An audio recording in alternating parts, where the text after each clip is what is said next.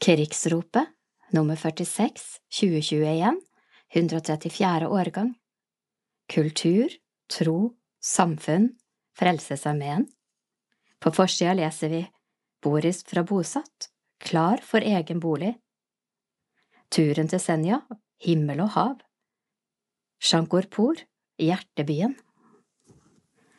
Jobben, gaver som faller i smak. Hva? Honning fra egne bikuber i Oslo og eplemosten Epleslang fra Oslos hager, og dessuten nydelige produkter som kakepynt, salver og leppepomade fra egendyrkede ringblomster på Linderud gård. Hvem? Her ser du litt av årets produksjon fra Frelsesarmeens Jobben Oslo, som er et arbeidstreningstilbud for tidligere eller aktive rusmiddelavhengige over 18 år. Hvorfor? Vil du glede noen med en gave? Dette er flotte julepresanger med mening. Velger du å kjøpe noen av disse produktene, er du med på å støtte driften av Jobben Oslo. Du kan bestille varer ved å sende en mail til jorunn punktum. Visste du at Jobben har plukket epler i tusen Oslo-hager i høst? Ekte kamper 15. september var det endelig tid for åpning av ny ballbinge og nytt kjøkken i Kongsvinger fengsel. Frelsesarmeen har vært sentral i etableringen av de nye tilbudene. Tekst Dan Christian Christoffersen Vi er som en stor familie her inne og tar vare på hverandre, sier en fornøyd og svett lagkaptein. Han har nettopp ledet spillerne, som besto av fengselsinnsatte ved Kriminalomsorgen Innlandet, til en overbevisende seier i deres første offisielle gatefotballkamp bak murene. Begivenheten ble i forkant feiret med både nasjonalsang, taler, flagg og fanfare i den nye ballbingen som Frelsesarmeen har bygget i samarbeid med fengselet på toppen av Vardåsen. Kampen var både intens og godlynt, med nettsus, driblinger og heftige heiarop fra publikum. Etter å ha beseiret motstanderlaget, bestående av lærere fra samarbeidsskolen Skarnes videregående og fengselsbetjenter, løftet vinnerlaget pokalen høyt i været med enorme jubelbrøl. Sluttresultatet viste solide 14–4 i de innsattes favør. Men det viktigste er ikke å vinne, understreker kapteinen som spilte i polsk andredivisjon for flere år siden. Fotballen hjelper oss å fokusere på andre ting. Veien fram Frelsesarmeens gatefotball har i flere år vært et ettervernstilbud for sårbare grupper i samfunnet, deriblant tidligere innsatte. I dag finnes det lag over store deler av landet. Å få en ballbinge for gatefotballkamper i fengselet har lenge vært en drøm for major Juri Zelentsov, fengselskapellan i Frelsesarmeen som besøker de innsatte to ganger i uka. Allerede i 2017, under mesterskapet Homeless World Cup, fikk han ideen om å introdusere tilbudet som et rehabiliterings- og tilbakeføringsprogram i kriminalomsorgen i Kongsvinger. Man lærer spillet fort, man er ikke nødt til å være veldig flink, og det er action hele tiden. Fengselet ble fort med på tanken, sier han. Vi søkte penger gjennom et legat i Frelsesarmeen og fikk i tillegg arvemidler som ga akkurat den siste summen vi trengte for å skaffe en ballbildninge. Prosjektet kom i gang høsten 2019 og nå etter åpningen to år senere tyder alt på at ballen vil rulle framover med hyppige treninger og kamper. Målet er at de innsatte skal oppleve en positiv utvikling, samt styrke den fysiske, psykiske og sosiale helsen, sier Kim André McKinley, som inntil nylig var lokasjonsleder i fengselet, og som sammen med Frelsesarmeen koordinerte fremdriften i prosjektet. Kim André fullroser samarbeidet og håper at fotballen vil bidra til at folk velger et kriminalitetsfritt liv etter løslatelse. Han storkoste seg under kampen, som ga stort engasjement både blant innsatte og ansatte. Det var utrolig morsomt å se samholdet og hvor gode spillerne har blitt på kort tid, noe også resultatet vitner om. De innsatte har selv bidratt med grunnarbeidet og monteringen av bingen, som er en del av praksisen i Skarnes videregående sitt utdanningstilbud i fengselet. Skolens avdelingsleder i fengselet, Roy Høgberget, har sans for gatefotballkonseptet. Jeg var på NM i gatefotball for noen år siden, som tilskuer. Det var kjempemoro. Her i fengselet fikk de innsatte følelsen av å være til nytte i byggingen av ballbingen, samtidig som de lærte å kjøre gravemaskin. Seksjonsleder for velferd og utvikling i Frelsesarmeen, Elin Herikstad, var også til stede på åpningen og påpeker hvordan gatefotball skaper positiv vekst i spillernes liv.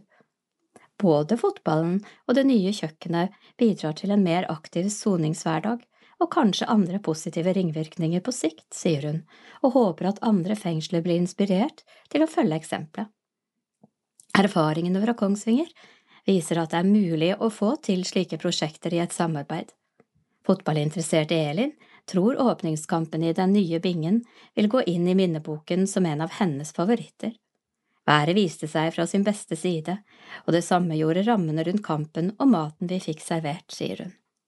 Da kampen var på det mest intense, så hørte jeg en av gutta si, bak meg si, Så gøy har jeg ikke hatt det på lenge. Det ble en god dag for oss alle, hvor vi innser at gatefotballkampen handler om mer enn bare fotball.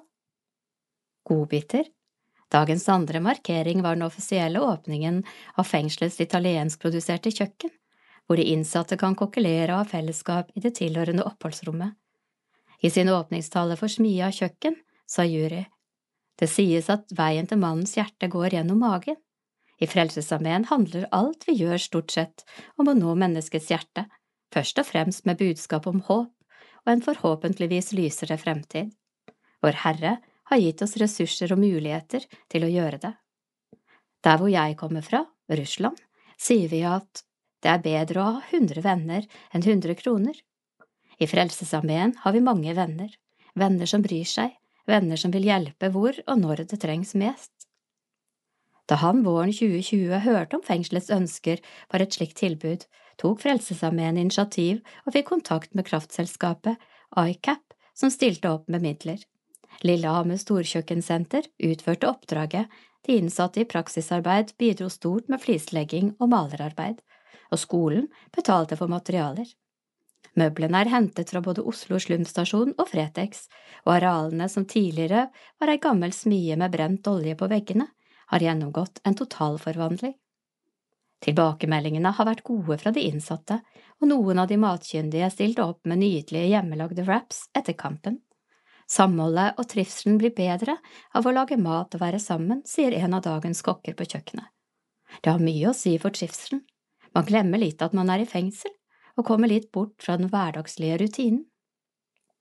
Står sammen. Kapteinen for dagens vinnerlag vandrer omkring på kjøkkenet og deler ut dagens dessert, som er nonstop fra den nyvunnede pokalen. Han har, i likhet med de andre spillerne, muligheten til å fortsette med gatefotball også etter endt soning. Jury har en liste over kontaktpersoner og steder i landet hvor man kan koble seg på Frelsesarmeens gatefotballtilbud og forteller at en av de innsatte allerede har planer om å ta trener- og dommerkurs. Frelsesarmeen har stått sammen med innsatte og ansatte i norske fengsler de siste hundre årene, sier kapellanen som gleder seg stort over de nylanserte aktivitetene i fengselet. Han siterer major Knut Haugsvær, den tidligere lederen for Frelsesarmeens fengselsarbeid, som en gang sa følgende om gatefotballen. Fordommer brytes ned, vi heier på hverandre, til vi mister stemmen. Vi gir oss ikke før dommeren blåser. Så det er bare å hive seg med, for kampen er snart i gang. Ekte kamper. Aktuelt, hør, se, les. Litteratur Et halvt år med Jesus, Lunde Forlag, av Maria Celine Lundeby og Hanna Elise Haraldsen, omtale av Marit Dele Johannessen. Arbeidsbok for dypere gudsrelasjon har du en gudstro og lengter etter en dypere relasjon med Jesus, men sliter med å få grep på bønn og bibellesning? Da kan kanskje arbeidsboka Et halvt år med Jesus hjelpe deg videre. To unge forfattere som ellers er å finne på Instagram, har laget en praktisk pocketbok der du kan skrive ned tanker og spørsmål på veien gjennom Lukasevangeliet. Uke for uke gjennom et halvt år tar de deg med gjennom kapitlene. De gir ulike forslag til hvordan man kan lese Bibelen, men anbefaler å lese korte avsnitt i ukedagene og finne en hviledag der du leser dem samlet. Ved ukas slutt følger de opp med egne tekster og utfordrer deg til å finne ut hvor du står. Tenk deg at noen stilte deg spørsmålet Hvorfor er du kristen? Hva ville du sagt? Eller Bibelen er Guds ord til oss. Har du et eksempel på noe Gud har sagt til deg gjennom et bibelvers? Boka kan leses av alle, men retter seg i språk og stil mot et ungt publikum. Her er rikelig plass til egne notater, siden sider der du kan skrive hva du er takknemlig for, hvem Jesus er for deg nå, eller hvordan du opplever Guds godhet. Hver ukedag får sin egen kolonne der du kan fylle inn det som dukker opp i møte med teksten, samt hva du ønsker å be spesielt for. Visjonen til forfatterne er å gi leseren en hjelp til å starte eller restarte et hverdagsliv med Jesus. De snakker om å komme inn i en rytme der Bibelen og bønnen er sentral. De er begge berørt av relasjonen med Gud og vil gi sine erfaringer videre. og ha en plan, en rytme og en rutine kan fordype gudsforholdet, mener de. Det handler ikke om krav, ønsket er at folk skal bli bedre kjent med Jesus. Boka er en startpakke og en ressurs på veien videre. Så hva skjer etter et halvt år? Da gjelder det å opprettholde rytmen og lage en kort, og bekommelig plan for et videre fellesskap med Gud. De oppfordrer leserne til å fylle seg med Guds ord, ha en egen notatbok og bruke appen YouVersion, der de kan finne flere bibelleseplaner og søke i en mengde oversettelser. Musikktips Storslagen pop I radiosingelen Castles fra EP-en Mixtape, side A, byr Kobe James på storslagen pop med herlige syntvibber fra 80-tallet. Den knallsterke melodien følges opp av en reflektert tekst om å sette Gud foran tomheten i luftslottene vi lager. Gleden i Gud Lytteren dras umiddelbart inn i festen av en funky gitar og bass når Sean B.I. vil fortelle om den fantastiske gleden vi møter i Gud. Med sangen Here Tonight, en heftig og nostalgisk gitarsolo bryter midtveis inn i pop- og R&B-landskapet og foten kan ikke stå stille. Leder oberst Bente Gundersen, sjefsekretær, nestleder for Frelsesarmeen i Norge, Island og Færøyene. Håp for i morgen Noen ganger er i morgen veldig langt unna, så langt unna at ikke engang håpet rekker helt dit. Det rekker kanskje ikke en halv dag eller tre timer fram engang. Det er for mye som mangler, for mange tanker i veien, eller for lite å holde fast i, så håpet blir kort. Det når liksom ikke helt dit det skal. Likevel finnes det ofte håpet, et håp som lever på tross av hvordan dagen er, og som ikke helt lar seg kvele av de desperasjon og fortvilelse, en liten levende kime til håp, et ønske, et håp om at noen kan hjelpe når livet er vanskelig, når pengene ikke strekker til eller situasjonen ser umulig ut. Et lite og trassig håp for i morgen, et håp om at i morgen kommer, at ting ordner seg og at det er verdt å holde fast på håpet. Og noen andre ganger er i morgen bare et øyeblikk unna, og håpet rekker helt til neste år og året etter. Det strekker seg langt framover og bærer inn i framtida. Det er en del av tryggheten i livet og gir forventning, glede og motivasjon til mange dager. Da er det lett å ha håp for i morgen. Enten håpet for framtida rekker en dag eller et år, blir det ofte virkelig og sant fordi det finnes mennesker som bryr seg, som synes det er godt at du finnes og kjekt at du kommer. Mennesker som skjønner hvor viktig det er med fellesskap og glede, mulighet til mestring, kjærlighet og tro, tro på Gud og tro på mennesker. Mennesker som skjønner at det er mulig å skape håp for andre og gi håp til hverandre. Noen av historiene i ukens Krigsropet er gode påminnelser om at det er mulig å skape håp. Litt håp for i morgen i et fengsel.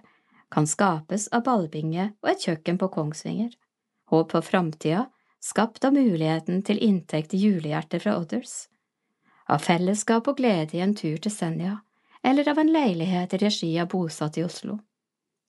Kanskje synes vi som leser disse artiklene at det opplagt må være kortere til håpløshet og desperasjon i et fengsel eller i en lavinntektsfamilie i Dhaka, enn i det litt mer vanlige de fleste av oss lever i hver dag.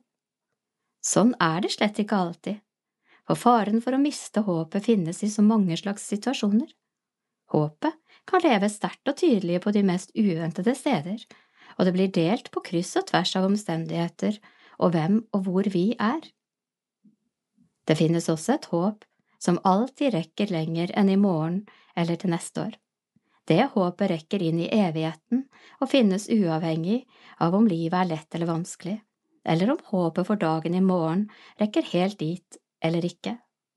Det er et levende håp om evig liv, om kjærlighet, tilgivelse og nåde hos Gud, alltid og til alle tider. Vi trenger håp, håp for dagen og for i morgen, for livet og den verden vi lever i og for evigheten. Når håpet har blitt litt dårlige kår, så trenger vi å håpe at det ordner seg og går bra, at i morgen kommer og blir bedre. Vi trenger et håp for i morgen. Vi trenger hverandre, vi mennesker. Vi trenger noen som hjelper, noen som ber, noen som går med oss et stykke av veien, noen som minner oss om Gud og håpet for evigheten, noen som deler av det de eier med andre, noen som ser de som trenger litt hjelp til å håpe igjen. Håp for i morgen og for neste år og for evigheten. Men det er bra å begynne med håpet for i morgen. Bente punktum Gundersen, alfakrøll, frelsesarmeen.no.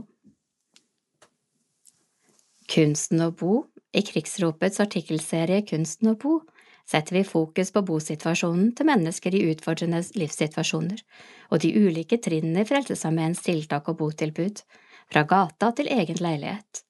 Tilbudene er basert på den enkeltes behov og boevne. Dette er artikkel fire i serien. Bosatt en trening i selvstendighet. Mange sliter med å bo. Rus og psykiske lidelser har svekket boevnen for mange. Frelsesarmeens tilbud Bosatt ønsker å gjøre noe med det. Tekst Emil Skartveit og Kristianne Marøy. Det var godt dere kom. Vi har hatt en granattest før i dag. Arbeidslederen på Kampen nærmiljøstasjon er oppspilt. Det kom nemlig inn en ordentlig granat på Haraldsrud miljøstasjon tidligere i uken, så nå kjørte de en test på oss. Man vet jo aldri hva som kommer inn. Det gjelder å ha øynene åpne. Krigsropet, sammen med sosialfaglig leder Julie Haugsvold og ledende miljøterapeut Liv Solberg, er her for å møte Boris, som har leilighet og oppfølging gjennom Bosatt. Han som tidligere var rusavhengig, er nå arbeidsleder på miljøstasjonen som driftes av Nyttig arbeid, Oslo kommune. Når uønskede hendelser skjer, er det ansvar som arbeidsleder å få alle trygt ut og sikre arbeidsplassen. Øvelsen ble godkjent, men det var godt det bare var en test. Om arbeidsoppgavene sine sier Boris, jeg hjelper de som leverer avfall med å plassere alt riktig og har tatt alle kurs som skal til.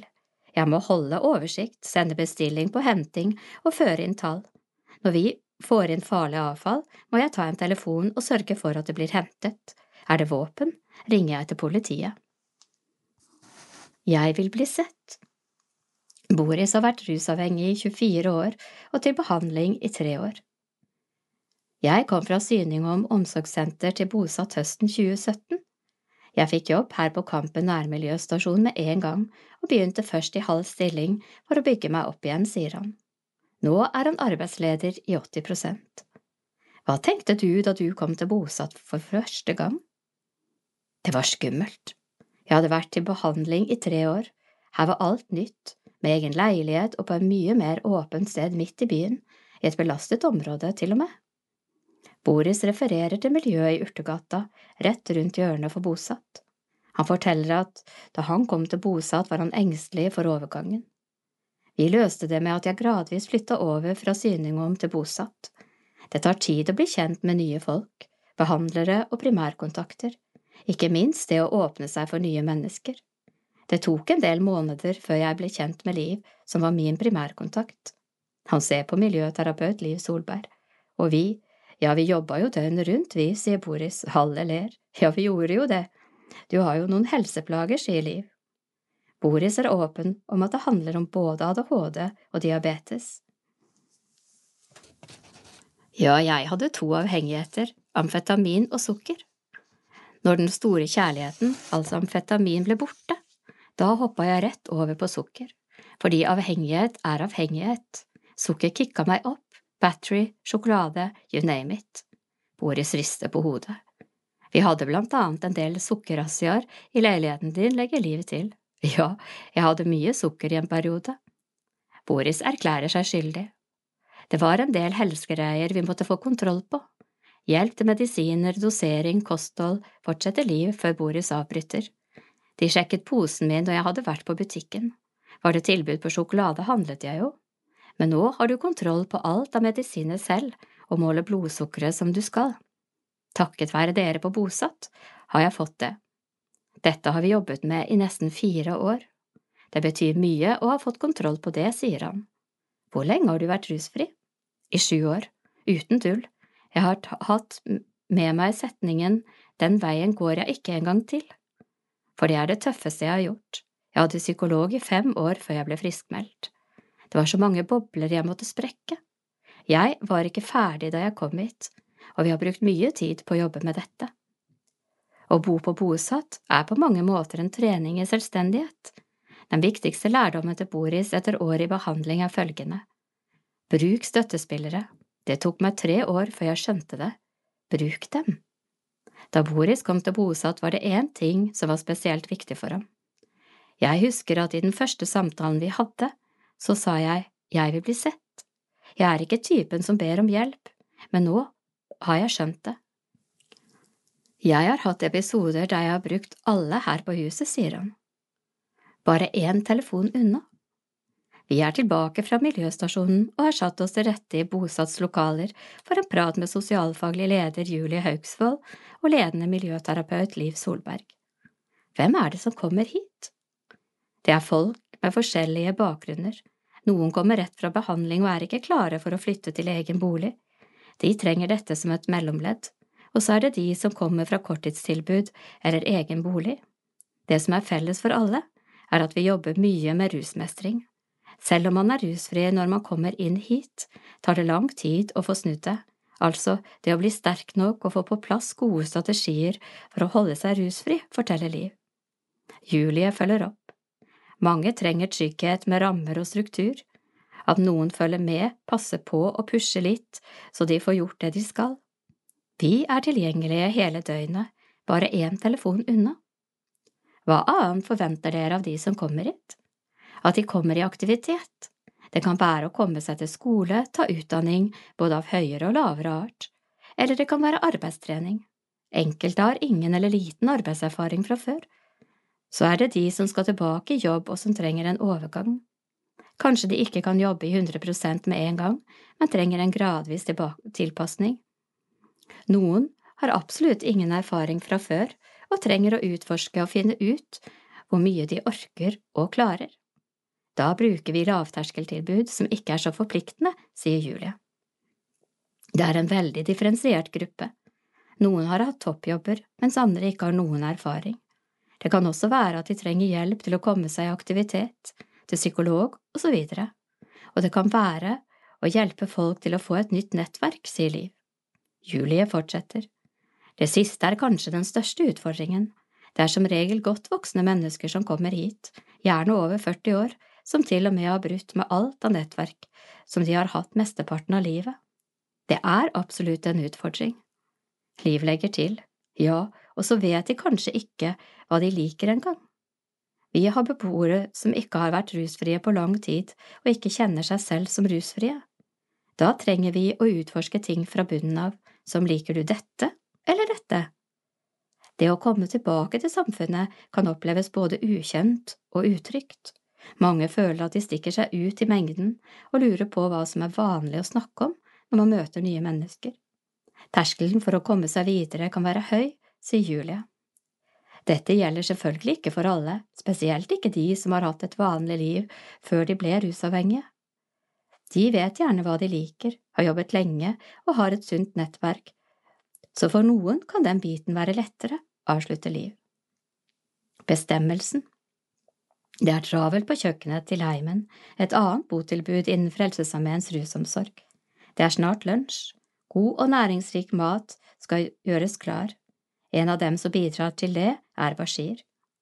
Bashir kom til bosatt våren 2017 og bodde der fram til januar i år. Nå bor han på Romsås i kommunal bolig. Mens han hadde leilighet i bosattsystemet, begynte han å jobbe på kjøkkenet på heimen som arbeidstrening. Nå er han fast ansatt. Han trives, men er likevel jobbsøkende. I perioden på bosatt tok han nemlig fagbrevet som elektriker. Jeg fikk fagbrevet i år, sier han stolt. Elektriker var noe jeg ønsket å bli, men jeg var usikker på om jeg ville gå på skole. Først måtte jeg ut av rusproblemet, forteller han. Personalet på Bosat var veldig hjelpsomme og hjalp meg mye. Hadde jeg ikke flyttet til Bosat, vet jeg ikke om jeg hadde kommet dit jeg er nå, fortsetter han. Før Bosatt satt Bashir i fengsel, og etter løslatelse bodde han to måneder på Holmen, som er en rusfri korttidsdøgninstitusjon. Der spurte de om jeg leverte urinprøver.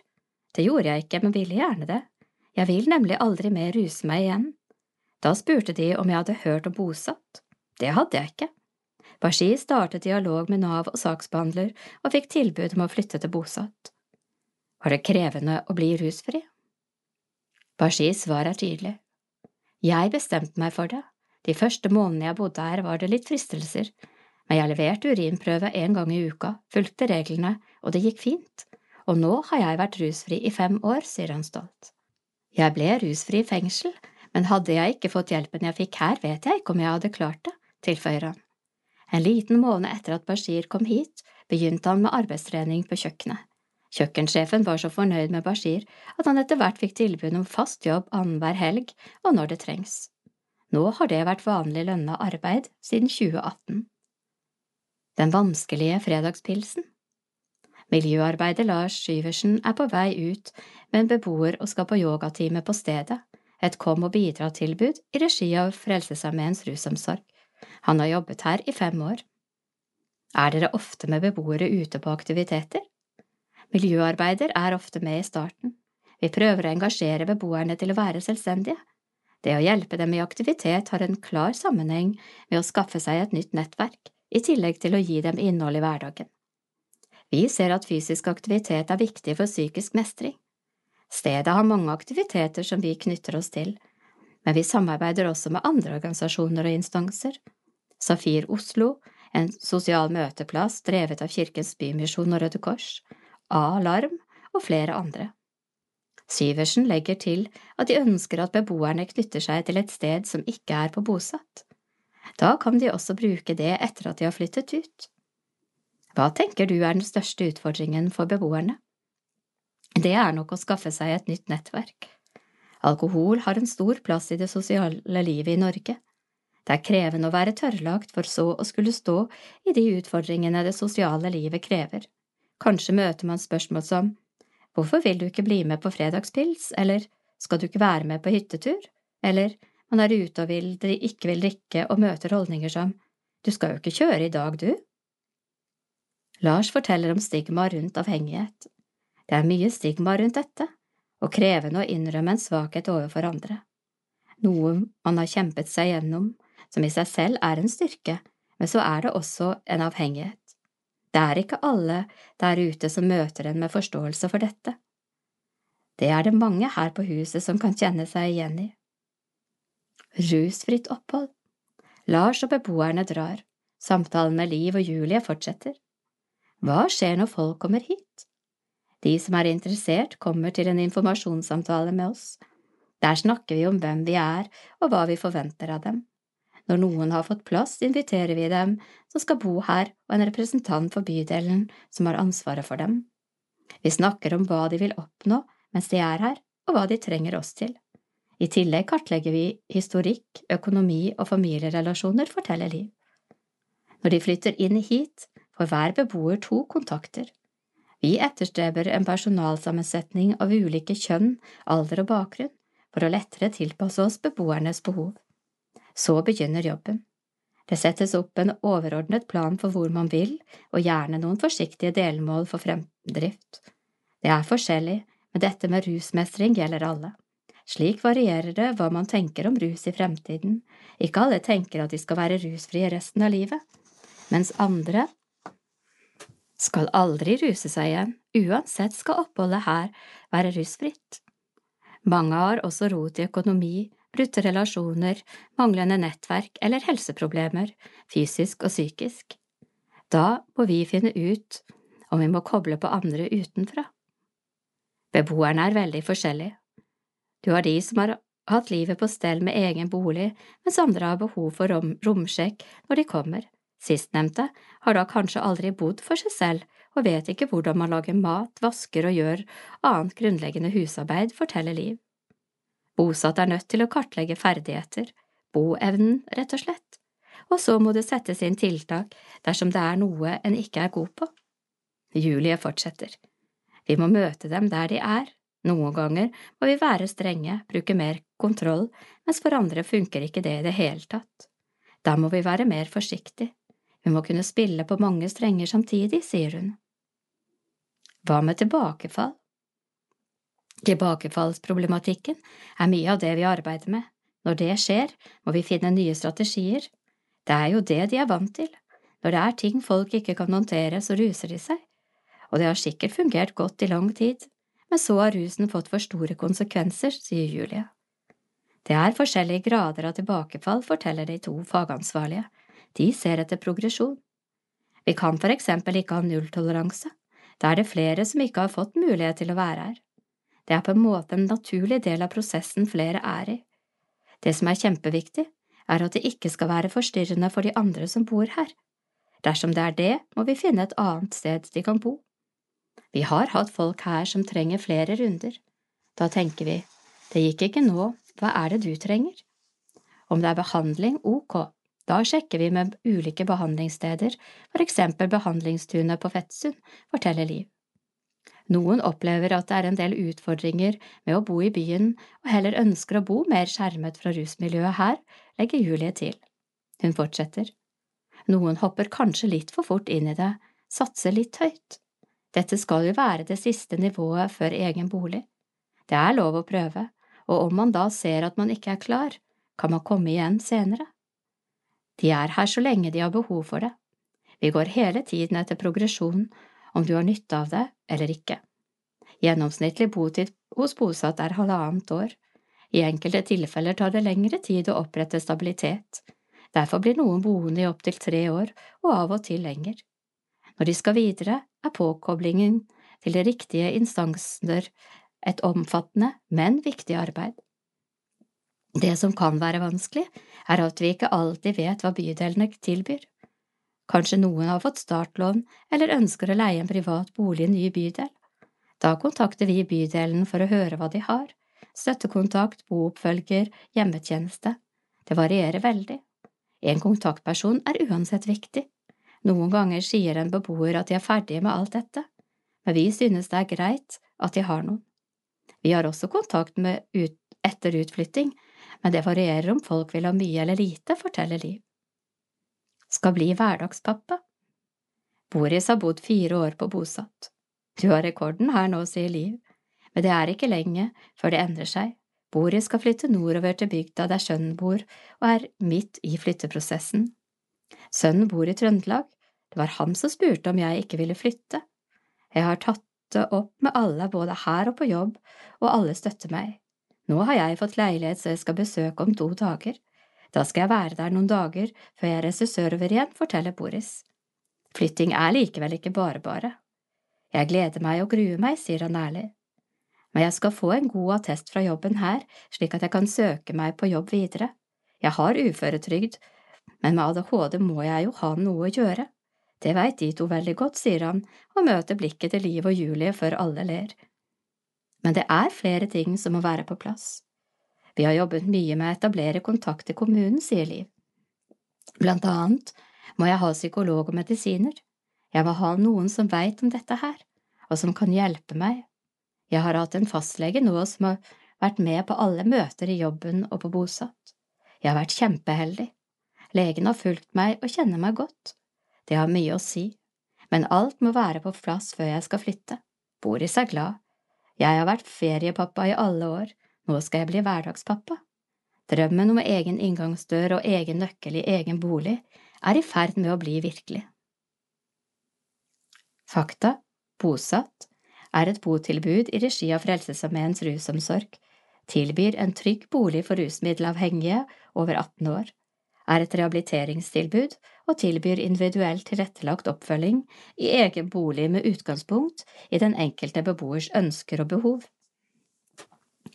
har 30 plasser, hvorav 19 leiligheter er samlokalisert med personalbase og 11 leiligheter er plassert i ordinære borettslag på Grønland og Theisen. Er et rusfritt tilbud for brukere som har vist evne og vilje til å mestre en rusfri tilværelse.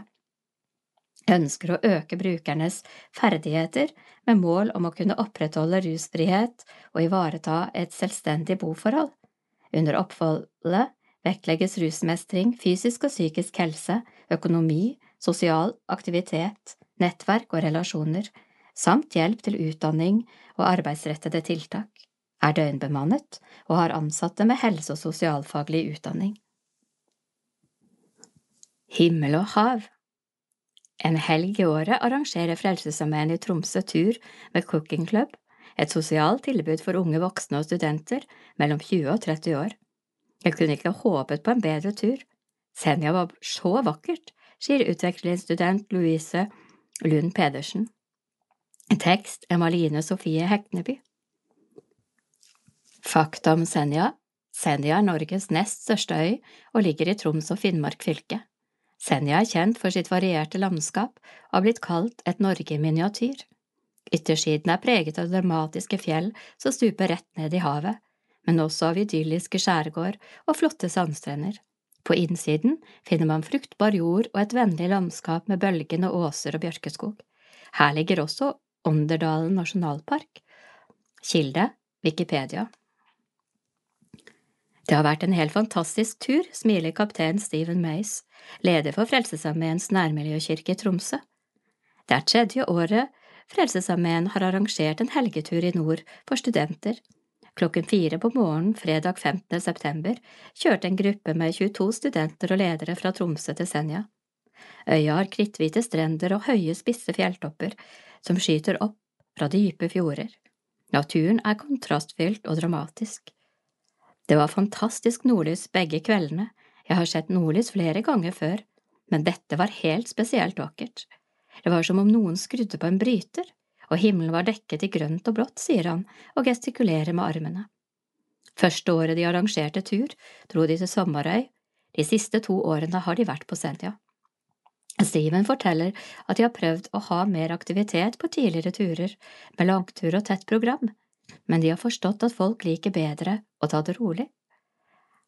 Har man for mye som skjer, blir det for mye press og stress. Vi har jo justert oss litt for hvert år, så i år hadde vi kun én aktivitet på lørdagen. Cooking Club De leide to båter der deltakerne kunne velge om de ville, da, ville på dagstur til en øy, eller om de ville på fisketur ute på havet. Steven ble med gruppen som ville på øytur. Her oppe kan man ikke planlegge været, det eneste man kan gå ut fra, er at det blir som det blir, som øsende regn eller sterk, kald vind. Men vi var så utrolig heldige, det var mellom 18 og 20 varmegrader og sol hele dagen. Vi tente bål, noen gikk tur, vi laget masse mat og koste oss skikkelig, smiler han. Steven forteller at de hadde noe gruppetid og en samling om dagen der de snakket om livet og om tro. De som er med på turen, er alle i en alder der man funderer på meningen med livet og hva som skjer mellom himmel og jord. Noen er veldig nysgjerrige på hvordan den kristne troen kan være relevant for deres liv. På Cooking Club kan man komme uansett hvilken bakgrunn eller tro man har. Det skaper gode samtaler når man kommer fra ulike steder og har forskjellige erfaringer. Det var ingen tradisjonell gudstjeneste på turen, men hvert år har de samtaler og foredrag om et kristent tema. I år hadde de med seg Leif Bråten fra Ungdom i oppdrag. Årets tema var Hvorfor har mennesker verdi? Leif snakket om at vi har verdi på grunn av Guds kjærlighet, på grunn av Guds identitet, det var veldig fint. Jeg følte at folk var veldig åpne i år, de var med og snakket og diskuterte, mange var sårbare og delte fra eget liv. Det var ikke noe jeg dyttet på dem, jeg lente meg tilbake og var med og pratet litt. Det skal ikke føles som press at vi snakker om Gud, det er viktig for oss, sier Steven. De fleste som er med på tur, er i Frelsesarmeens Cooking Club. Det er et møtested for unge voksne fra Tromsø og studenter mellom 20 og 30 år. Noen av studentene er internasjonale, og alle verdenskontinenter har vært representert. På Cooking Club må man ikke være enige med Frelsesarmeen om verdier og tro, men de som ønsker kan velge å være med på andre aktiviteter hos oss, og mange har valgt å bli frivillige på det sosiale arbeidet vårt. Folk er veldig åpne og nysgjerrige, sier Steven. Hver tirsdag samles de og lager mat sammen. Alle bidrar med 40 kroner, og sammen kutter de opp grønnsaker, kokkelerer og lager mat. De følger en meny de har laget sammen, og vi spiser, rydder opp, spiller spill og er sosiale. Det er veldig populært. Vi ser at det er behov for studenter å ha et sted de kan være sosiale og ha det gøy uten alkohol, sier Steven. Konseptet ble etablert av Nico Lessing i 2017. Siden har gruppen vokst fra 12 til rundt 40 deltakere. Fant hverandre i London. Steven er fra Kentucky i USA, men har bodd ti år i New York City. Kona, Ida Amelie, er fra Tysvær utenfor Haugesund. I 2011 ble jeg offiser etter utdanning på offiserskolen i New York. I 2015 dro jeg til London på Frelsesarmé-kongress, og det var der jeg møtte kona mi. Ett år senere var vi gift, smiler han. Ida flyttet til New York etter å gifte seg, da hun også ønsket å bli offiser og gå på offiserskolen der. Vi hadde et ønske om å lære om hverandres kulturer tidlig i ekteskapet, og spurte om det var mulig å begynne offisersarbeidet sammen i Norge. Da kunne jeg også lære meg norsk, sier Steven. Paret fikk grønt lys og flyttet til Tromsø. Ida liker å gå på ski og elsker Nord-Norge, så det var veldig fint at vi kunne komme hit. Steven forteller at kona var overbevist om at hun måtte hjelpe ham med å få venner da de flyttet til byen. En dag var Ida, på shopping og fikk øye på Kenneth Webb, tidligere basketballtirene for Tromsø Storm. Hun gikk rett bort til ham og sa hei, trenger du en 202 meter og 13 centimeter høy amerikaner med på laget? Steven har erfaring som basketballspiller fra USA tidligere, noe trener Webb var interessert i. Kort tid senere var lederen for Frelsesarmeen i Tromsø offisielt spiller for Tromsø Storm. Dette var andre uka vår i Tromsø. Flyttelasset hadde ikke kommet med båten fra New York enda, så jeg hadde ikke basketballutstyret mitt eller noen ting. Uken etter signerte jeg kontrakten med laget, ble jeg intervjuet av NRK. Da lurte jeg på hvor lite Norge er, smiler han. Han forteller at mange av Frelsesarmeens medlemmer ble med og heiet da han spilte kamp. Det var kjempegøy, vi fikk gratisbilletter til nær familie og venner, så vi ga bort de billettene til sosialarbeidet vårt. Da kom det 25 personer rett bort etter gudstjenesten for å heie, smiler han. For korpslederen tok det mye tid å være både frelsesoffiser og basketspiller. Derfor bestemte han seg til slutt for å endre karrieren som spiller og heller bli trener. Det hjalp oss med å komme litt inn i miljøet her, folk kjenner oss nå. Ofte stopper folk meg og spør hvordan vi har det i Frelsesarmeen. De fleste vet at jeg var basketballspiller, og at jeg og Ida er offiserer i Frelsesarmeens nærmiljøkirke her. I tillegg har jeg fått venner. Så kona di hadde rett da hun gikk bort til trener Webb den dagen? Ja, men ikke fortell henne det, humrer han. En utrolig opplevelse. Utvekslingsstudentene Sofie Engberg og Louise Lund Pedersen flyttet fra Danmark til Tromsø i august og er ferske i Cooking Club. Jentene bor i samme studentbolig og blir kjent med Frelsesarmeens internasjonale tilbud gjennom en annen utvekslingsstudent. De meldte seg spontant på turen til Senja kun noen dager før avreise. Vi hørte Steven introdusere turen på Cooking Club, det hørtes så fint ut, så vi meldte oss på med en gang, sier Louise, som er på sitt femte semester i psykologistudier. Jeg visste ikke hva jeg kunne forvente da turen ble så spontan, men jeg kunne ikke håpet på en bedre tur. Senja var så vakkert, huset vi bodde i var fint, om kveldene opplevde vi den nydeligste nattehimmelen med stjerneklar himmel og nordlys, sier hun. Jeg var faktisk litt nervøs for turen, for om jeg ville passe inn fordi jeg ikke er kristen, innrømmer Sofie. Jeg ble veldig positivt overrasket. Jeg følte meg ikke presset på noe vis, og lærte utrolig mye av samtalene vi hadde på samlingene. Begge dagene var historiene som ble delt, veldig interessante og inspirerende. Det å snakke om hvorfor mennesker har verdi og reflektere over det sammen, det synes jeg var veldig fint.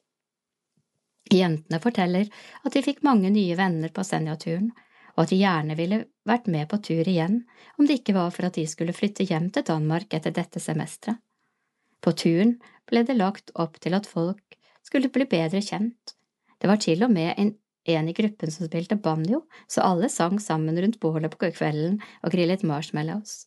Båtturen var bare så gøy. Vi stoppet innom en øy med en vakker strand, der vi laget mye god mat på bål.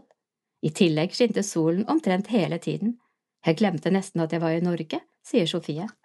Louise forteller at et godt sosialt nettverk er avgjørende for at internasjonale studenter trives. Det har Frelsesarmeen i Tromsø fått til. Steven spiller en sentral rolle i den gode stemningen. Hans rolige vesen er naturlig inkluderende, og han får alle til å føle seg trygge, sier Louise. Jeg synes Cooking Club er et superbra tilbud. Det er alltid god stemning, og man føler seg så velkommen, sier Silje. Godt å gjøre mer. Steven og Ida har mange drømmer for Frelsesarmeen i Tromsø. Vi ønsker å være en levende frelsesarmé i byen, der mennesker i alle generasjoner føler seg som hjemme, sier Steven. De ser at flere trekkes mot tilbudene i Frelsesarmeens nærmiljøkirke. Det er veldig gøy. Alle som var med på tur, har vært tilbake på Cooking Club, og responsen har vært at de hadde hatt en fantastisk tur. Alle var fornøyde med aktiviteten og samlingene, og at de ble bedre kjent med gruppa. Blir det Senja-tur igjen til neste år, da? Senja er rått, men nå er vi klare for et nytt eventyr.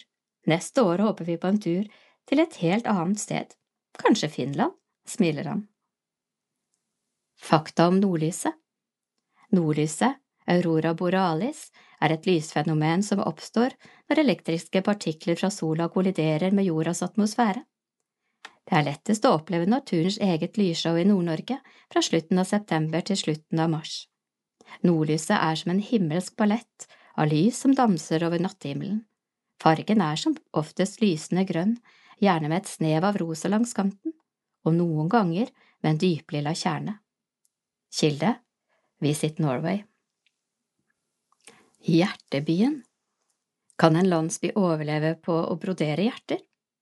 Svaret er ja, og oppdragsgiveren er Others, Frelsesarmeens konsept for rettferdig handel. Snart henger hjertene på juletrær i Norge.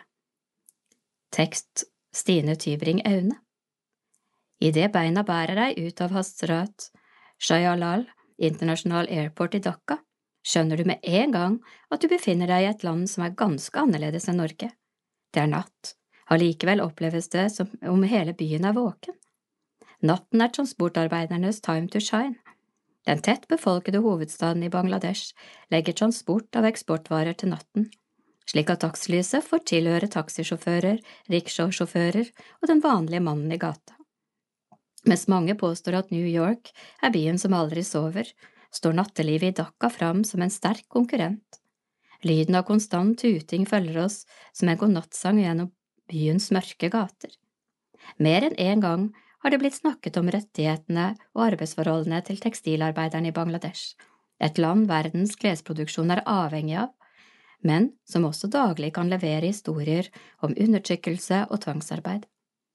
En industri vi i Vesten ofte ønsker å lukke øynene for, og som vi dermed med vår ignoranse bidrar til å opprettholde. Når mennesker holdes nede ved tvangsarbeid og dårlige arbeidsforhold, ødelegges ikke bare dette ene enkeltmennesket. Generasjoner kjenner på konsekvensene av moderne slaveri og det blir en del av menneskers identitet og historie.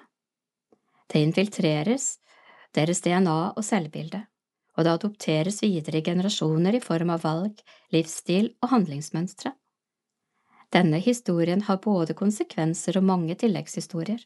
Dette er en av de mange historiene bakenfor.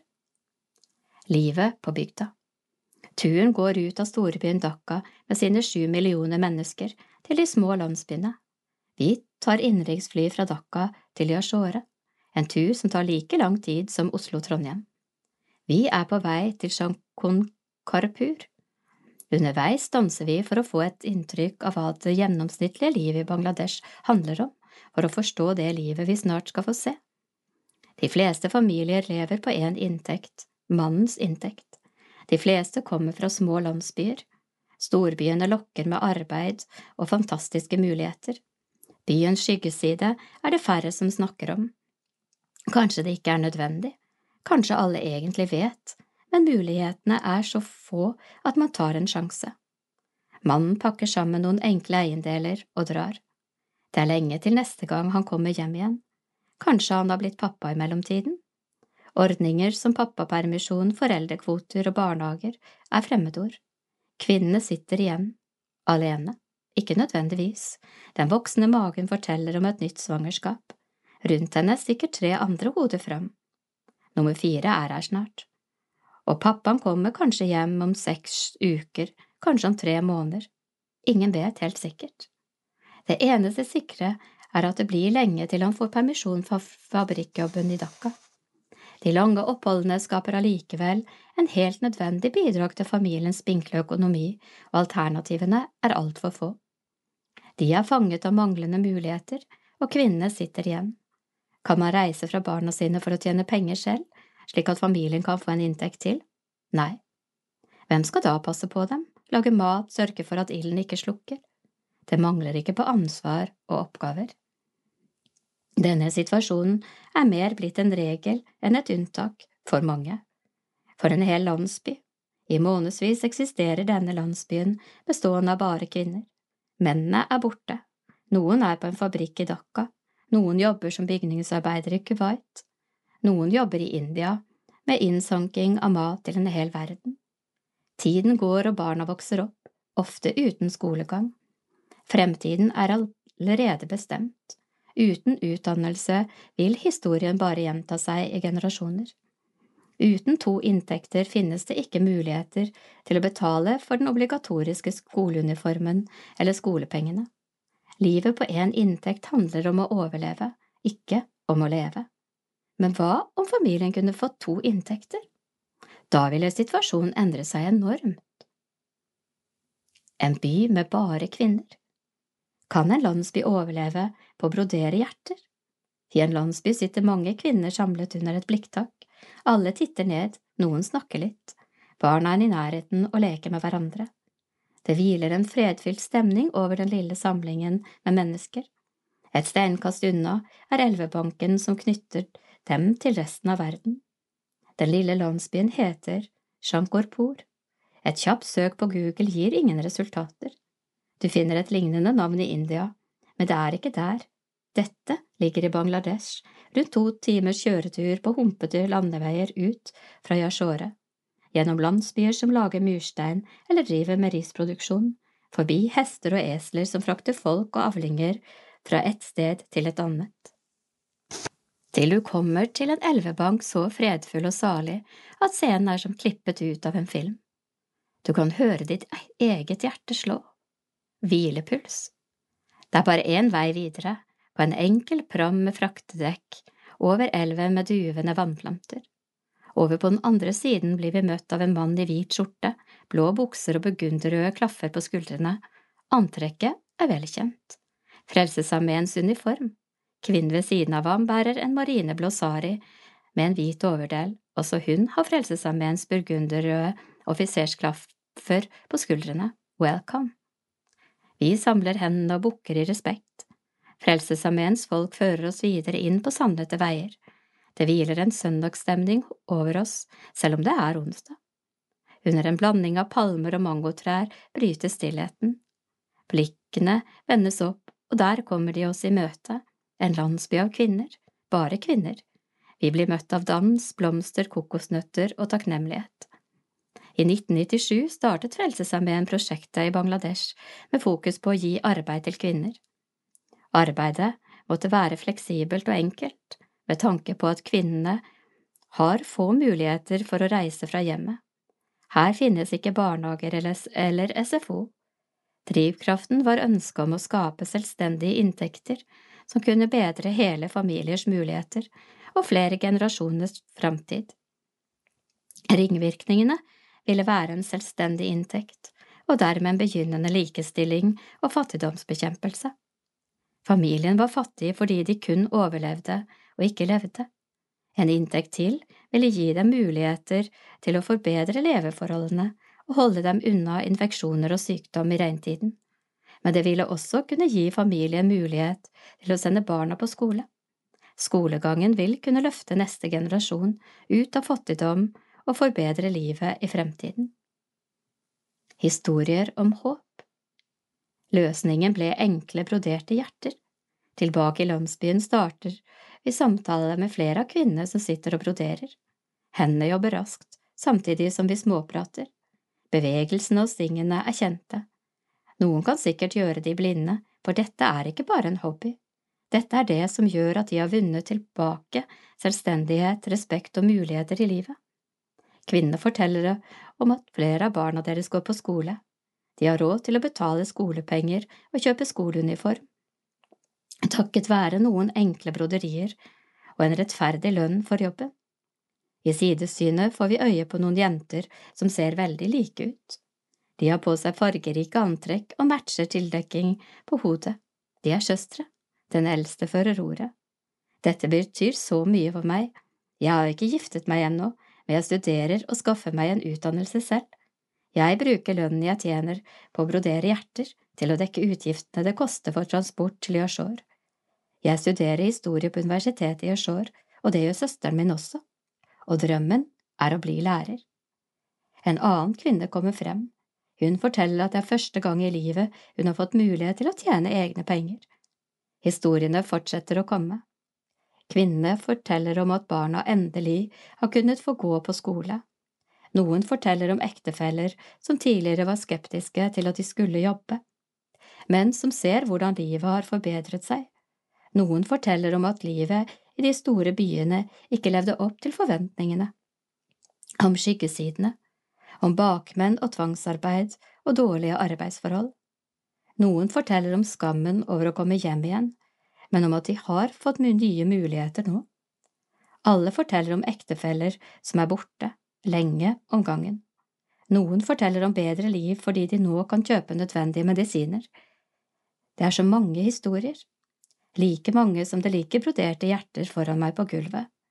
En sier, Hver gang jeg syr en odderstag på et produkt, minner det meg på betydningen av dette ordet.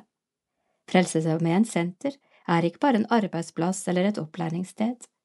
Her har jeg lært hvilken verdi arbeidet mitt har, og jeg har lært hvordan jeg kan klare meg selv i livet. Shankorpur er en levende by med både broderte hjerter og bankende hjerter, og hjertet blir et større symbol og forteller flere historier enn jeg trodde fantes, historier om selvstendighet, om arbeid, om håp. Others er Frelsesarmeens konsept for rettferdig handel. De broderte hjertene du har lest om i denne artikkelen, er også mye annet flott av håndverk, julepynt og julegaver kan du bestille i nettbutikken til odders.no. Kampen mot krenkelsene Kirkelig ressurssenter mot vold og overgrep jobber både for å forebygge at det skjer krenkelser og misbruk i kristne miljø, og for å hjelpe de som har blitt utsatt for det. Tekst Randi Bjelland Anne Louise Skoland, leder av Kirkelig ressurssenter mot vold og seksuelle overgrep. Tidligere har hun vært sosialsjef i IOGT Norge, leder av Frelsesarmeens fengselsarbeid, assisterende divisjonssjef i Frelsesarmeen og leder for Frelsesarmeen i Mandal. Skolan er utdannet sykepleier og har også utdannelse fra Norsk diakonihøgskole. Frelsesarmeens offiserskole, samt har en mastergrad i verdibasert ledelse. Som medlem i en mindre menighet kan det være ekstra vanskelig for den krenkede å søke hjelp, for noen er det en vond hemmelighet de bærer på i mange år. I gjennomsnitt venter folk i 17 år før de melder fra om overgrep, sier Anne Louise Skoland, som leder Kirkelig ressurssenter. Hun er soldat i Frelsesarmeen og har tidligere vært offiser. Ressurssenteret markerer 25 års drift i november. Daværende Kirkens ressurssenter ble startet som et resultat av en større forståelse for at vold og overgrep også skjer i kristne sammenhenger. Samtidig hadde man et opprinnelig ønske om at det ikke skulle være slik. Ressurssenteret ville ta tak i en tematikk som på mange vis var fortiet. Opprettelsen av senteret gikk parallelt med likestillingskampen i kirkelig sammenheng. Man ønsket å ta på alvor at kvinner var spesielt utsatt. Kampen for likeverd og likestilling gikk hånd i hånd, sier Skoland. Målet til ressurssenteret er å gjøre alle menigheter og trossamfunn til et trygt sted for alle.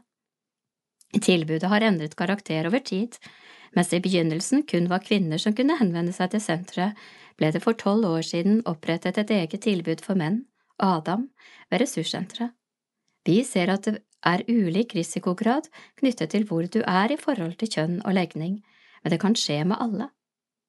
forebygging og bearbeiding. Senteret driver med både forebygging, bearbeiding og håndteringsrådgivning. Med forebygging handler det om å kurse folk i ulike kristne sammenhenger, primært ledere. Arbeidet omhandler både utviklingen av materiell, kurs, bøker og artikler. Hvert år arrangerer de Novemberkonferansen, der ansatte i menighetssammenheng og andre innen fagfeltet kommer for å lære. Skolen ser at mange ledere ikke er bevisste nok på sin egen rolle, og det maktforholdet man kan stå i når et sårbart eller ungt menneske kommer til en. Det er ikke uvanlig at en leder kan innlede en relasjon og tenke at den er likeverdig, og så oppfattes det ikke slik fra den andre parten. Mye handler om å bevisstgjøre denne rollefordelingen, egne reaksjoner og hvordan man legger til rette for at det skal være og oppleves trygt for alle. De som har blitt utsatt for overgrep og krenkelser, kan komme til samtale ved ressurssenteret. Der får de hjelp til å bearbeide det som har skjedd. Folk har ulike reaksjoner etter et overgrep, men skyld og skam er noe mange sliter med. Det er mye smerte, og noen er også relasjonsskadd. Andre sliter mest med sin egen tro og stiller spørsmål som Hvordan kan Gud være god når han tillater at overgrep skjer? Det finnes etter hvert mange steder som hjelper overgrepsutsatte. Det som er spesielt for Kirkelig ressurssenter, er at de jobber i skjæringsfeltet mellom tro og traume. Det betyr ikke at alle som kommer til oss har trosproblemer, men det er nå der vår spesialkompetanse liker. Også de som har opplevd det man kan kalle åndelige overgrep, kan få hjelp hos oss, og mekanismene er ofte like. Det dreier seg om at et menneske manipulerer et annet. Man manøvrerer seg inn og får en rolle som gjør at et menneske blir sårbart for å bli utnyttet. Hvordan reparere et ødelagt gudsbilde? Mye handler om å lytte og ta på alvor det den enkelte sier. Det er ofte nøkkelen til å begynne å åpne seg og se at det er muligheter for å reflektere på en annen måte. Vi prøver også å formidle et annet gudsbilde enn det som har blitt forvrengt, men samtidig trer vi det ikke nedover hodene til de som strever. Hun tror mange også trenger å våge å stole på egne reaksjoner og følelser, fordi man så ofte har blitt fortalt at måten man reagerer på er feil, og at en annen har svaret. Det å hente fram sin egen stemme og lytte til den er viktig, sier Skolan. De fleste kirker og trossamfunn i dag har et rammeverk for hva som skal skje videre om noen melder fra om krenkelser og overgrep. Skolen påpeker at ressurssenteret har vært en av pådriverne for å få disse rutinene på plass. Hvis noen ber om rådgivning, kartlegger vi først hva den enkeltes organisasjon har av ressurser. Den som mottar overgrepshistorien, kan havne i sjokk og ikke helt vite hva man skal gjøre. Da tror jeg det ofte oppleves godt å ringe til en nokså nøytral tredjepart som kan gi råd og hjelp. Det avklares også om dette er en sak for rettsapparatet. Den avgjørelsen må alltid ligge hos den utsatte, men om man ønsker at vi skal følge til politistasjonen for eksempel, så kan vi gjøre det. Ta historier på alvor. Skolen mener at man alltid skal ta en overgrepshistorie på alvor. Ofte handler det om noe som har skjedd for en tid tilbake, og i slike tilfeller kan man tid til å ta en pust i bakken slik at man kan agere rasjonelt og riktig, men det betyr ikke at man skal legge saken i en skuff og gjemme den unna. Om saken skulle dreie seg om overgrep fra en betrodd person i menigheten, mener Skolan at det er ekstra viktig å ikke avfeie det hele med at dette kan da ikke stemme. Overgripere er sjelden monstre som gjemmer seg i buskene. De er som regel høyt betrodde mennesker som, er mange, som mange har tiltro til. I de tilfellene der det skulle vise seg at det ikke er sant det som blir sagt, så vil sannheten som regel komme fram etter hvert, sier hun. Også i disse sakene mener Skolan det er en fordel at lederen kan vise til at man hele tiden har agert profesjonelt og fulgt det rammeverket som foreligger. Hun vet at overgripere ofte ser seg ut mennesker som har en sårbarhet. Det kan være en som er ensom, eller en som er ny i menigheten. Da kan det være ekstra tungt å våge å si ifra om overgrep. Mens det tidligere har tatt veldig lang tid før noen melder fra, så ser vi kanskje en tendens til at folk forteller det litt fortere. Det er nok også mer som skjer mellom jevnaldrende der det før var større aldersforskjell. For eksempel er det flere overgrep mellom 19-åringen og konfirmanten. Skolan mener at vi jevnlig må ta opp temaer med vold og seksuelle overgrep i kristne sammenhenger. Vi lever i et samfunn her som er så utrolig dobbeltkommuniserende. På den ene siden er alt lov, alt er gøy, og er du ikke med på alt, er du kjip.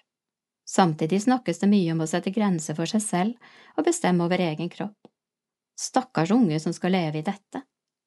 Hun mener dobbeltkommunikasjonen også finnes i kristne miljø. Ofte blir det en krasj mellom forkynnelse og slik folk lever, og vi snakker ikke om det. Det kan bidra til en type forvirring der det neimen ikke alltid er så lett å vite hvor grensene går.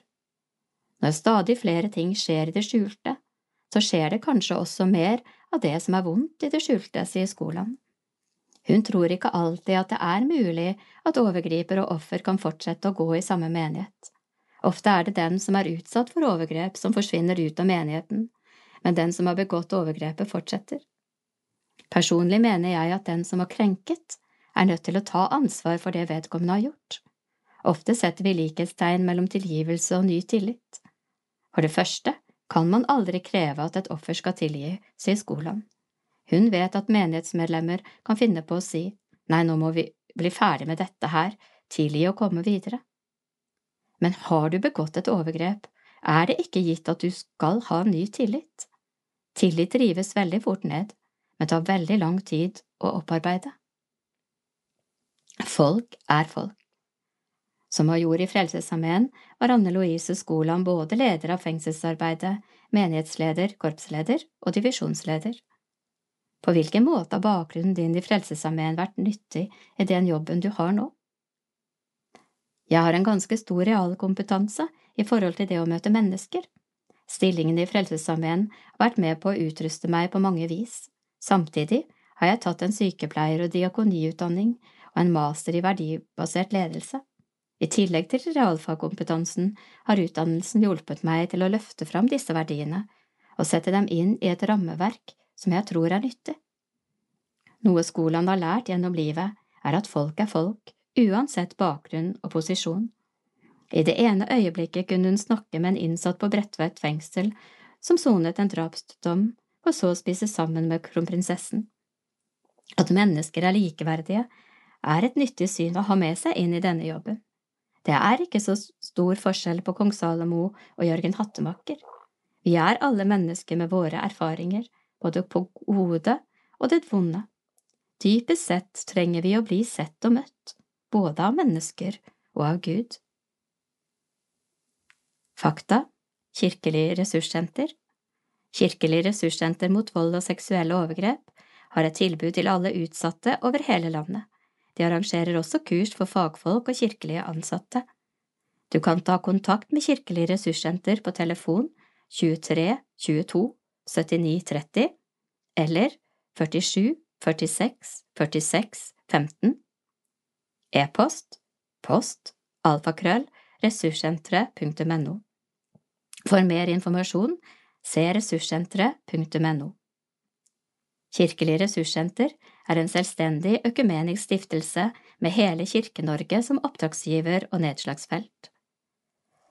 Representantskapet består av Norges kristne råd, Den norske kirke, Blå Kors og Norges KFUK-KFUM.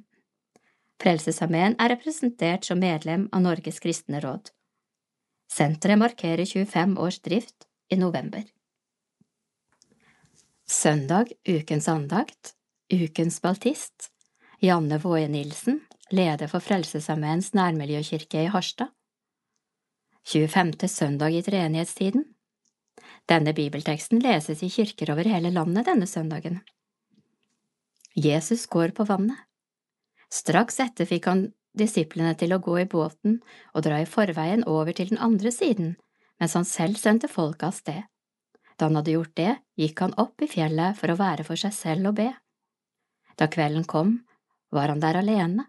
Båten var allerede langt fra land, og den kjempet seg frem i bølgene, for det var motvind. Men i den fjerde nattevakt kom han til dem, gående på sjøen. Da disiplene fikk se ham der han gikk på vannet, ble de skrekkslagne.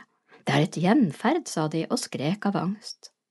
Men i det samme talte Jesus til dem. Vær ved godt mot, det er jeg, vær ikke redde. Da sa Peter til ham, Herre, er det deg, så si at jeg skal komme til deg på vannet. Kom, sa Jesus. Peter steg ut av båten og gikk på vannet bort til Jesus. Men da han så hvor hardt det blåste, ble han redd. Han begynte å synke og ropte, Herre, berg meg! Straks rakte Jesus hånden ut og grep fatt i ham og sa, Du lite troende, hvorfor tvilte du? Så steg de opp i båten, og vinden stilnet. Men de som var i båten, tilba ham og sa, Du er i sannhet Guds sønn. Matteus 14, 22–34 Bibel 2011 Det Norske Bibelselskap Hos Jesus i storm og stille Jeg lærte en sang på søndagsskolen som går slik. Min båt er så liten og havet så stort men Jesus har grepet min hånd. Når han styrer båten, så går det så bra på veien til himmelens land. Metaforen om vårt liv som en seilas og livet selv som et hav er kjent for mange av oss, og vi finner den ikke bare i kristen sammenheng, men også ellers i litteratur og kunst. Søndagens tekst gir oss en litt ny dimensjon til metaforen som søndagsskolesangen tegner opp. Det er fortsatt Jesus som representerer tryggheten i livet, men kanskje finner vi ham ikke i selve båten? Kun fem brød og to fisker har Jesus brukt for å bespise 5000 mennesker. Disiplene så det med egne øyne. Ja, de sto der og holdt mirak miraklet i sine egne hender. Allikevel, da de noen timer senere strever på Galileasjøen i kraftig motvind, kjenner de ikke igjen Jesus som kommer gående mot dem på vannet i mørket.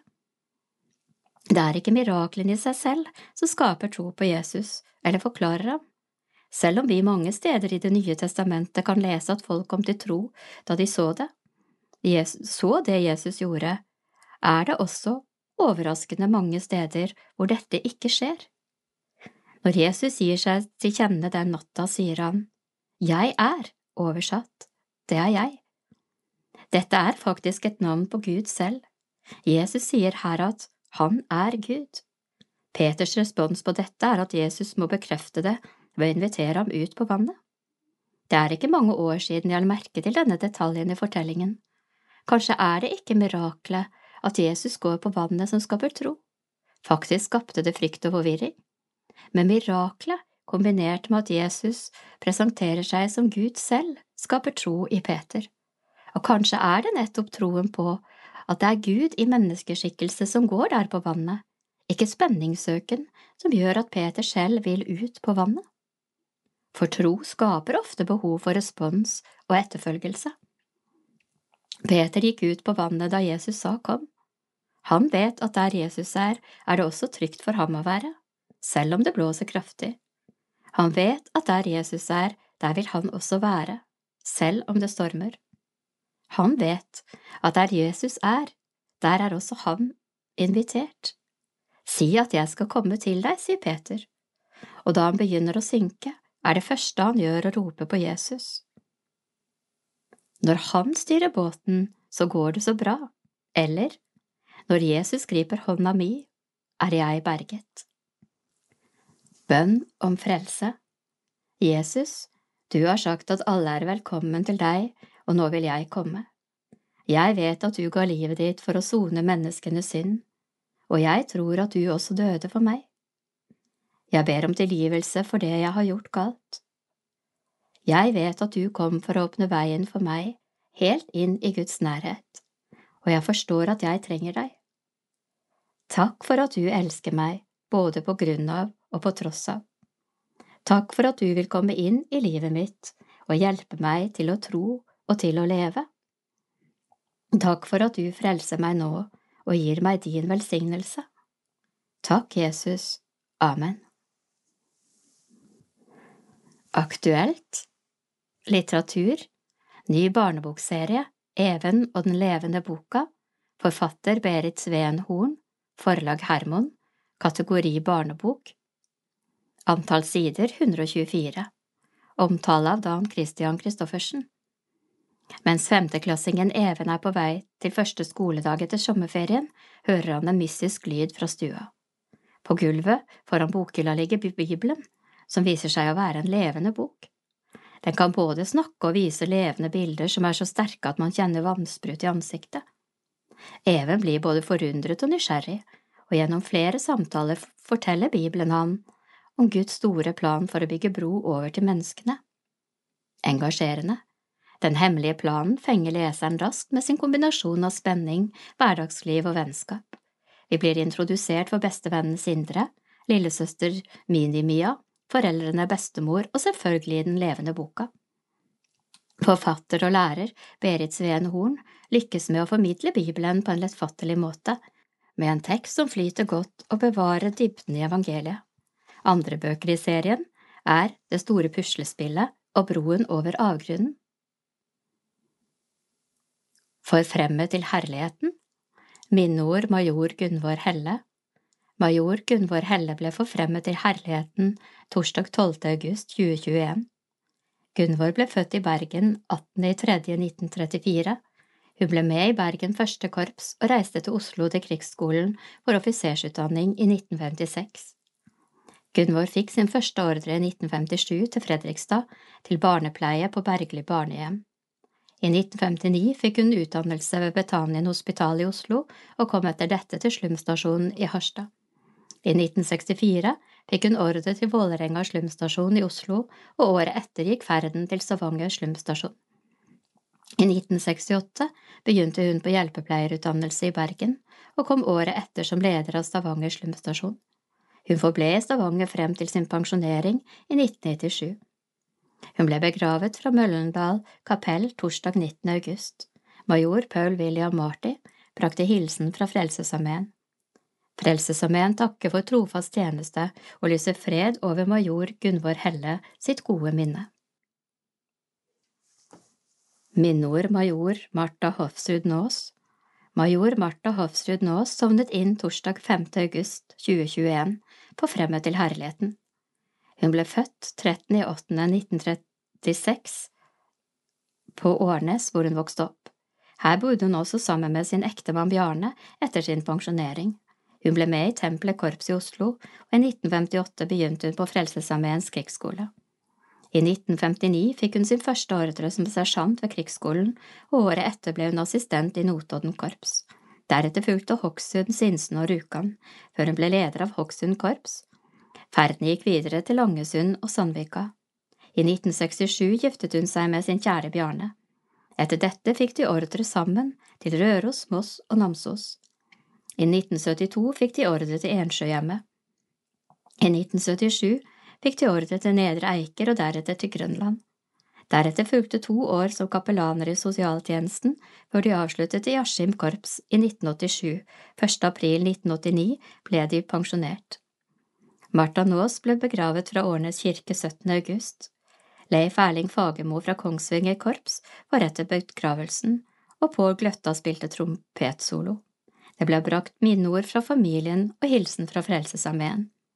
Frelsesarmeen takker for hennes tjeneste gjennom mange år og lyser fred over major Martha Hofsruds nå sitt gode minne. Suppe, såpe, frelse Frelsesarmeen er en internasjonal evangelisk bevegelse, en del av den universelle kristne kirke. Budskapet bygger på Bibelen. Tjenesten er motivert av Guds kjærlighet, Oppdraget er å forkynne Jesu Kristi evangelium og i Hans navn møte menneskelige behov uten diskriminering.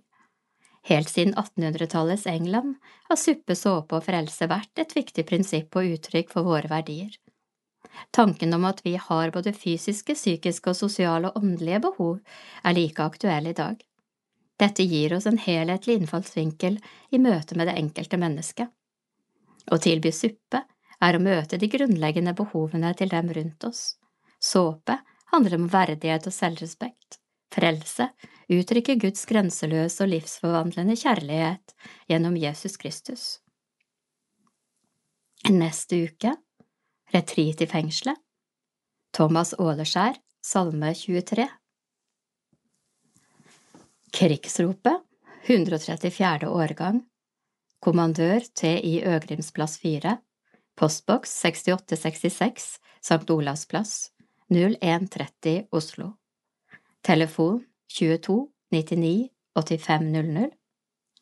Bankgiro gavekonto 3000 15 07 350 E-post krigsropet alfakrøll frelsesarmeen.no frelsesarmeen.no slash krigsropet Utgiver Frelsesarmeen.